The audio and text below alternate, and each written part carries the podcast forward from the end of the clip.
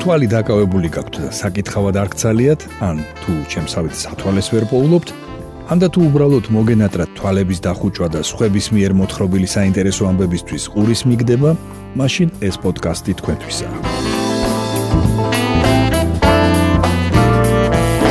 გამარჯობა. თქვენ უსმენთ რადიო თავისუფლების პოდკასტს მოლაპარაკე ტექსტებს. მოლაპარაკე ტექსტებს. მე ბიძინა რამიშვილი გახლავართ. აქ მოქმედი პირები არიან ტექსტები, რომლებსაც რადიო თავისუფლების ვებსაიტზე ვარჩევ თქვენთვის კვირაში ერთხელ და მათ მოსათხრობა ამბებად ვაქცევ ხოლმე.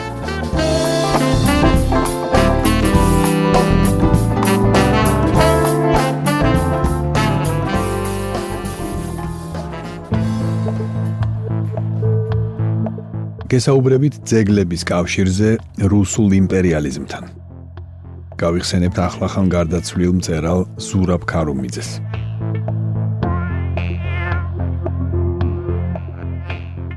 დაგიგითხავთ ჯიმ შერეხვიაშვილის სტატიას, როცა პუშკინიც შუაშია და სტალინიც.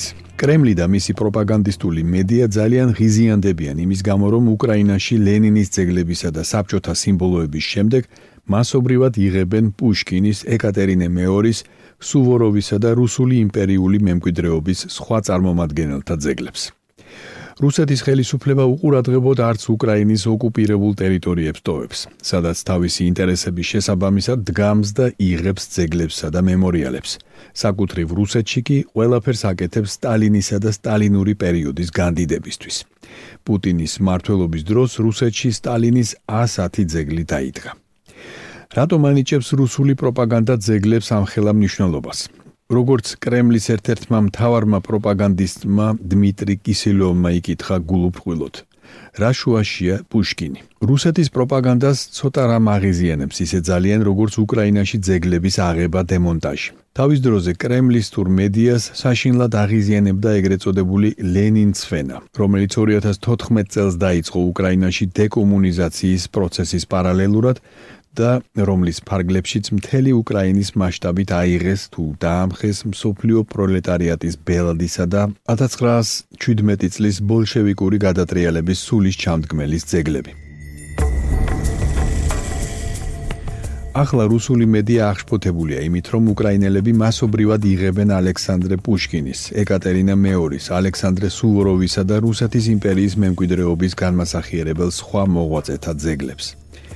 ციტატა უკრაინაში ერჩიან არა ეკატერინე მეორის ძეგლს, არამედ ერჩიან რუსეთს, რომელმაც საკუთრივ აითვისა ეს ტერიტორია და სადაც შეიტანა ცივილიზაცია. წერდა რუსული კომსომოლსკაია პრავდა ოდესაში რუსეთის იმპერატორის ძეგლის დემონტაჟის შესახებ.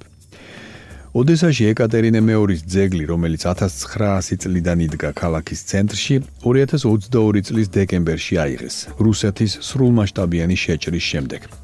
ამავე პერიოდში აიღეს რუსი მხედართმთავრის ალექსანდრე სუვოროვის ძეგლიც. უკრაინის ეროვნული მეხსიერების ინსტიტუტში რუსეთის იმპერიის შემოქმედთა ძეგლებს ადარებენ საზღვრის ბოძებს, რომლებითაც მოსკოვი ახდენს თავისი ინტერესის სფეროში მოქცეული მიწების ტერიტორიების მარკირებას, მონიშნას. ციტატა: ეს ძეგლები ასე თუ ისე აღიქმება რუსეთის ყოფნის მარკერებად. თითოეული ეს ძეგლი არის ერთგვარი სიმბოლო და რუსეთის თავდასხმამაც აჩვენა, რომ ტერიტორიებს, სადაც დგას ეს ძეგლები, რუსეთის ფედერაცია აღიქვამს თავის საკუთარ მიწებად. ამბობს ინსტიტუტის მკვლევარი ბოგდან კოროლენკო, რომელიც ასევე იშველიებს რუსი პროპაგანდისტისა და ტერორისტის უკრაინაში იძებნება შესაბამისი მუხლით წერალ ზახარ პრილეპინის ნათქვამს. ციტატა: სადაც ალექსანდრ სერგეევიჩ პუშკინის ძეგლები დგას, იქ რუსი ადამიანები ცხოვრობენ. შესაბამისად წარმოუდგენელია, როგორ შეიძლება რუსებმა აიღონ პუშკინის, სუვოროვის და მით უმეტეს ეკატერინე მეორის ძეგლები. ციტატის დასასრული. რუსული პროპაგანდისტვის მეზობელ ქვეყნებში მიმოფანტული რუსი სახელმწიფო მოხელეებისა და კულტურის მოღვაწეების ძეგლები ტერიტორიების რუსულობის წყალგაუვალი ნიშანი და არგუმენტია. არადა ეკატერინე მეორის ძეგლის დემონტაჟს ოდესელების უმეტესობამ დაუჭირა მხარი. ქალაქის ხელმძღვანელობისა და მოსახლეობის პოზიცია ასეთი იყო. ციტატა: არქსურს ქალაქში იდგეს იმ ქვეყნის მოღვაწეთა ძეგლები, რომელიც გბომბავს. ციტატის დასასრული. უკრაინაში რუსეთის სრულმასშტაბიანი შეჭრის დაწყებამდე ალექსანდრე პუშკინის ათეულობით ძეგლი იდგა. მარტო კიევში თავს იწონებდა პოეტის 6 გამოსახულება. საუბარია ძეგლებზე, ბიუსტებზე, ჰორელიეფებზე. მათ როგორც წესი დგამდნენ სასწავლო დაწესებულებებთან პოეტის მორიგი მრგვალი თარიღის აღნიშვნის ნიშნად. ბოგდან კოროლენკოს თქმით 2022 წლისთვის უკრაინაში მხოლოდ პუშკინის 60-ზე მეტი ძეგლი იდგა. მაშინ როცა დანარჩენ მსოფლიოში რუსეთისა და მისი სატელიტების გამოკლებით 40-მდე ძეგლი თუ მოიძებნებოდა.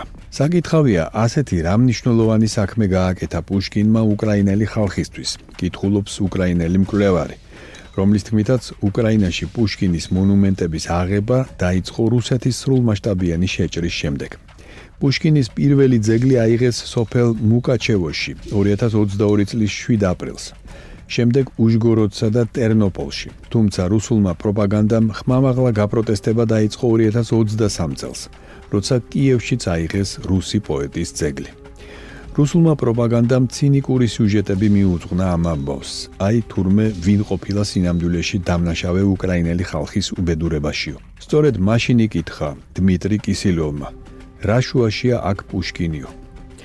რუსული პროპაგანდის პასუხად უკრაინელი მკვლევრები ამბობენ, რომ სწორედაც რომ შუაშია, რადგან კრემლი და მისი პროპაგანდა რუსი პოეტის ხატებას იყენებენ თავიანთი პოლიტიკური მიზნებისთვის. სხვათა შორის პოეტის სიტყვებით უკეთებდნენ რეკლამას რუსეთის კონსტიტუციაში შეტანილ ცვლილებებს, რომლებითაც განულდა პუტინის წინა საპრეზიდენტო ვადები და მას კიდევ ორი ვადით ჯამში 12 წლით მიეცა პრეზიდენტად კენჭისყრის უფლება.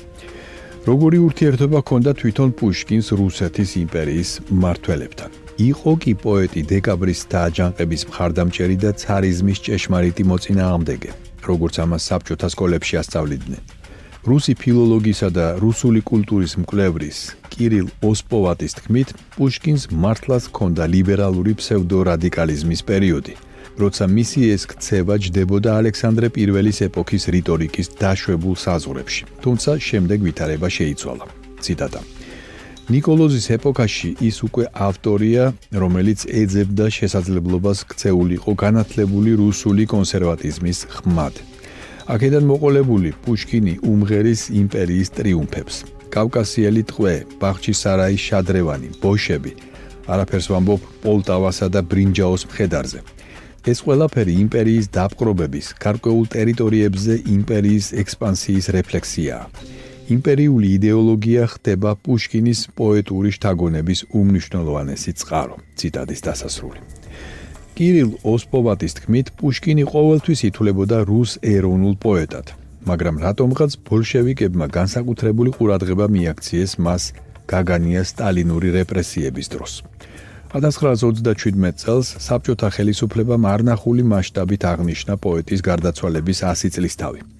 პუშკინი ჩაეწერა საბჭოთა კულტურის კანონში, რომლის დანიშნულება მთელი საბჭოთა იმპერიის შეკრა იყო. საბჭოთა მთავრობა აღიარებდა პოეტის შემოქმედების ღირებულებას და აღნიშნავდა: ციტატა პუშკინი ჩვენიანია, საბჭოელია, რადგან საბჭოთა მთავრობა მემკვიდრეობით მიიღო ყველაფერი, რაც საუკეთესოა ხალხში. ციტატის დასასრული. პოეტის იმიჯი მარჯვეთ გარდაქმნა პროპაგანდამ სოციალისტური რეჟიმის ლეგიტიმაციის მიზნით. პუშკინს რევოლუციონერობა დაბრალდა. კირილ ოსპოვატის თქმით, იმპერიულობითაა გაჟღენთილი პუშკინის ერთ-ერთი ყველაზე ცნობილი ლექსი ძეგლი. ციტატა ამ ლექსში რუსეთი დიდია და გაგებულია როგორც ჩამონათვალი არარუსული დაპყრობილი ტერიტორიებისა.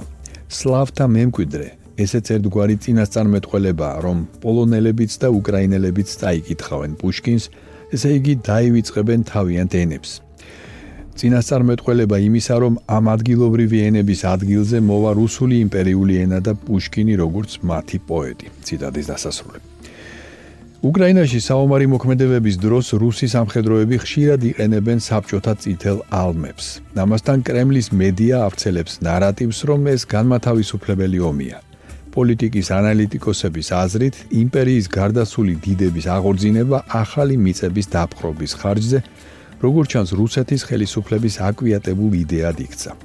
2022 წლის ივლისში პუტინმა თავისი თავი პეტრე პირველ შეადარა და ილაპარაკა რუსეთის ისტორიული ტერიტორიების დაბრუნებაზე. ციტატა: ოკუპანტებს ესმით სიმბოლოების მნიშვნელობა. შესაბამისად ნიშნავენ ტერიტორიებს თავიანთი სიმბოლოებით. ამბობს ბოგდან კოროლენკო. ამის ნათელი მაგალითია ის, რომ ოკუპირებულ ტერიტორიებზე რუსებმა აიღეს ჰოლოდომორის მსხვერპლთა ხსოვნისადმი მიძღვნილი მემორიალი. სამაგიეროდ კვარცხლბეკზე დააბრუნეს 2016 წელს დემონტირებული ლენინის ძეგლი. ციტატის დასასრული. საბჭოთა ეპოქის ძეგლების აღდგენა, ისევე როგორც საბჭოთა კავშირის ნოსტალგია, დიდი ხანია იქცა პუტინის რუსეთის სახელმწიფო идеოლოგიის ღერძად. დღევანდელ რეპრესიებს, ფაქტობრივად ყველა სახის განსხვავებული აზრის დევნას, სახელმწიფო პროპაგანდა ამართლებს ომიანობით, რომ ასეთ დროს ხელისუფლება უნდა იყოს ხისტი, როგორც სტალინის დროს იყო. საბჭოთა დიქტატორს, რომელმაც მილიონობით ადამიანის სიცოცხლე შეიწირა, კვლავ პატივს მიაგებენ. მეტიც, პუტინის რუსეთში მას ძეგლებს უდგამენ. 2023 წლის ოქტომბრის მდგომარეობით რუსეთში სტალინის 110 ძეგლი იდგა და როგორც სოციოლოგიური კვლევის შედეგები აჩვენებს, მათი რაოდენობა სავარაუდოდ კვლავ გაიზრდება.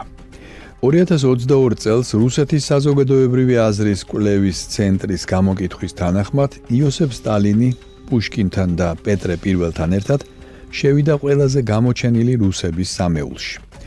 2019 წელს ლევადა ცენტრის სოციოლოგებმა ჩაატარეს გამოკითხვა იოსებ სტალინის ფიგურის მიმართ რუსების დამოკიდებულების შესახებ. გამოკითხვა მაჩვენა, რომ 2019 წელს საბჭოთა ლიდერის მიმართ პოზიტიური დამოკიდებულების ჯამურმა მაჩვენებელმა მიაღწია მაქსიმუმს. კვლევის ყოველი მეორე მონაწილე ამბობდა, რომ მოსწონს სტალინი. სტალინის დაბრუნების პარალელურად მასობრივად და ჩუმად იღებენ სტალინური დიდი ტერორის მსხვერპლთა ძეგლებს. განადგურებულია დახვრეტილი ლიტველებისა და პოლონელების მემორიალები. ლიკვიდირებულია ისტორიულ საგანმანათლებლო საზოგადოება მემორიალი. შენობებიდან მოიხსნა ფონდ უკანასკნელი მისამართის მიერ გაკეთებული მემორიალური დაფები. რუსეთის მიერ დაწყებულმა ომმა ბევრი უკრაინელი აიძულა გადაესინჯა თავისი დამოკიდებულება რუსებთან არა მხოლოდ აწმყოში, არამედ წარსულშიც. უკრაინელი ანალიტიკოსების თქმით, შეუძლებელია რამესახის ძმობაზე საუბარი, როცა რუსეთის არმია განაგრძობს მშვიდობიანი უკრაინელების ხოცვას. დეკომუნიზაციის შემდეგ უკრაინა საბჭოთა და რუსული იმპერიული მემკვიდრეობისგანაც თავისუფლდება. პარალელურად კი აღადგენს საკუთარ კულტურულ სიმბოლოებს. რომლებიც ახლობელი და გასაგებია დამოუკიდებელი და სუვერენული ქვეყნის მოქალაქეებისთვის. მეტა გიკითხეთ ჯიმ შერეხვიაშვილის სტატია როცა პუშკინიც შუაშია და სტალინიც.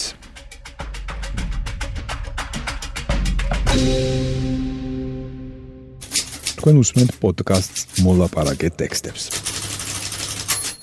ახლა წაგიკითხავთ თეატოფურიას სტატიას როგორ დასცინოდა ზურაბ ქარუმიძე საკუთარ სიკვდილს. ზურაბ ქარუმიძე, წერალი განსაკუთრებული სტილით, რომანისტი. მისი ნაწერები სპეციფიკური მკითხველისთვის იყო, იმისთვის, ვისაც ლიტერატურა თამაში შემეცნება უყვარს. 12 დეკემბერს ხანგრძლივი ავადმყოფობის შედეგად ზურაბ ქარუმიძე 66 წლის ასაკში გარდაიცვალა. ზურაბ ქარუმიძე 1957 წლის 22 აგვისტოს დაიბადა თბილისში. ინგლისური ენის სპეციალისტი იყო და ერთი პერიოდი რედაქტორობდა საქართველოსში გამოცემულ ინგლისურენოვან ჟურნალებს. საქართველო კავკასიის პროფილზე და კავკასიის კონტექსტს. პირდაპირ ინგლისურად დაწერა თავისი ერთი რომანი Dagny or Love Feast. Dagny ანუ სიყვარულის დღესასწაული. ზურაბ ქარუმიძე მოთხრობებსაც წერდა, მაგრამ მაინც უფრო რომანისტი იყო. მისი დაწერილია ღვინო მუქი ზღვა, მელია ტულეფია, ჯაზის ცხოვრება და ბაყაყები, რომელიც შოუ ბაბუხადიეს ფსევდონიმით გამოსცა. სხვადასხვა დროს მიღებული აქვს ლიტერატურული პრემიები, ლიტერა და საბა. ციტატა ზურა ჯერ კიდევ 90-იან წლებში გავიცანი. არაჩვეულებრივი ადამიანი იყო. მასთან 5-10 წუთით ურთიერთობაც კი კმაროდა, რომ ენერგიით დამუხტულიყავი. მისი იუმორი, ელვარე გონება, სტილი, რომელიც არამხოლოდ მის ტექსტებს, საუბარსაც ახასიათებდა. ინტელექტუალური და ამავე დროს ძალიან ლაღი მწერალი იყო. ძალიან ღრმა ცოდნით და განსაკუთრებული იუმორით, ირონიით. თუნდაც ის ტექსტი რომ ავიღოთ, რომელიც სიკვდილის წინ დაწერა, სულ ვეხმიანებოდი როგორ ხარ მეთქი და ერთხელაც ეს ტექსტი ჩამიგდო აი ასე ვარო იხსენებს მწერალი შოთა იათაშვილი ბელასკვა ასე ქვია მოთხრობას, რომელიც შემდეგ ახალ საუნჯეში დაიბეჭდა. ამ დროს ზურაბ ქარუმიძე უკვე ავად იყო. ამ მოთხრობაშიც სნეულობასა და მომავალ სიკვდილს დასცინის. ციტატა. როგორც ყველაფერი ცუდი, ეს ამბავიც დილიდან დაიწყო. დაძაბული ძილისა და მრუმე გამოღვიძების შემდეგ. იმ დილით ბელაკვა საწოლიდან წამოდგა. გავიდა ტუალეტში, დადგა უნიტაზთან და მოშარდა ხაშმის საფერავი. ასე იწყება მისი მოთხრობა, რომელსაც შემდეგ ანალიზებზე სირბილის მკურნალობის, შიშისა და სიკვდილთან ვაჭრობის აღწერა მოსდევს. თან ეს ყველაფერი ისეთი იუმორითაა აღწერილი, რომელიც მხოლოდ ზურაბ ქარუმიძეს ახასიათებდა.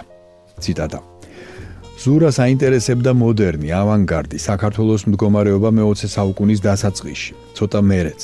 ეს ეპოქა შემდეგ ჯაზის ყვავილობაში აისახა.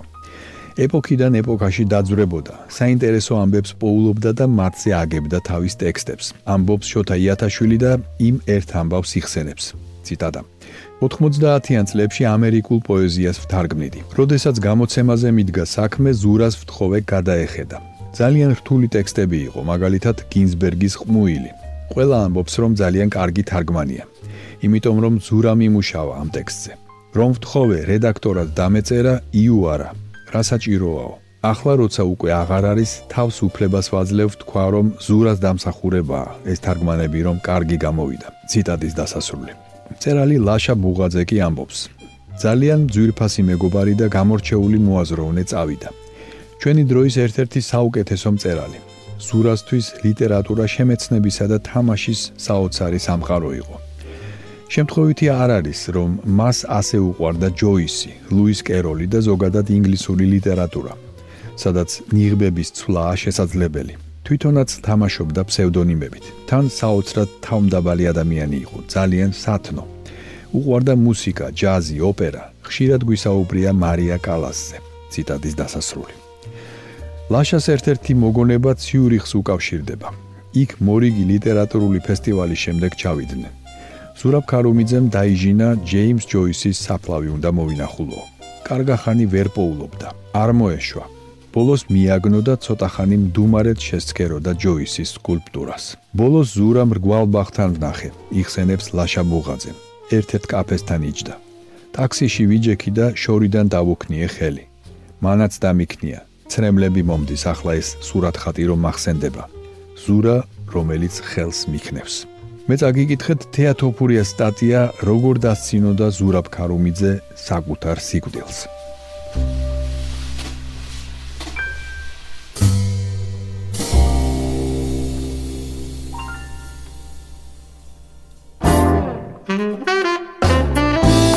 თქვენ მოისმინეთ რადიო თავისუფლების პოდკასტი მოლაპარაკეთ ტექსტები. მე კვირაში ერთხელ ვარჩევ რადიო თავისუფლების ვებსაიტზე გამოქვეყნებულ ტექსტებს და მათ მოსათხრობამდე ვაქცევ ხოლმე.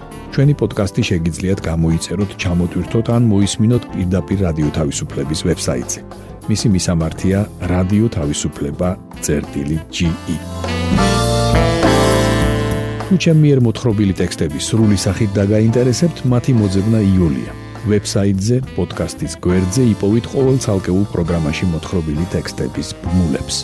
მე ბიძინა რამიშვილი ვარ. მომავალ შეხვედრამდე.